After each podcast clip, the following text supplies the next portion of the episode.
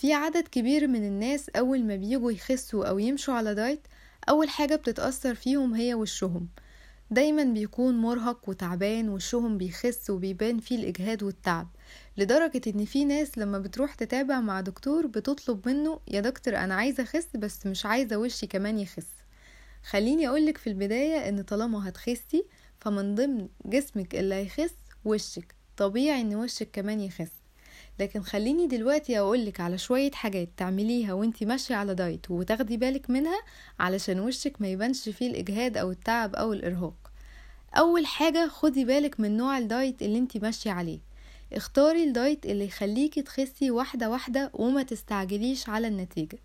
لو خسيتي بسرعة وشك هو أول حاجة هتتأثر وأول حاجة هيبان فيها التعب. فخسي بالراحة. تاني حاجة اشربي مية كتير جدا. شرب المية من 8 ل 12 كوباية في خلال اليوم بيفرق جدا وأكتر حاجة هتبين فايدة المية هي بشرتك. هتكون دايما نضرة ومنورة.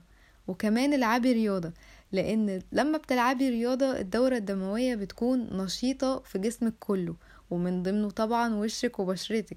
وده هيساعد إن وشك دايما يكون نضر وبشرتك منورة.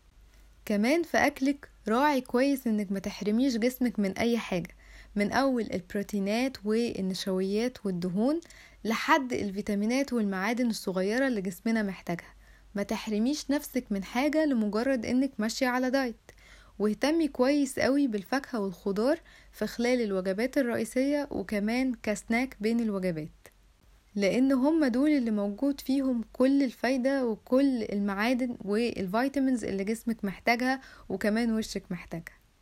ولو عملتي الحاجات دي أكيد ده هيفرق مع بشرتك ومش هتحسي إن وشك تعبان. يا رب تكونوا استفدتوا. شكرا.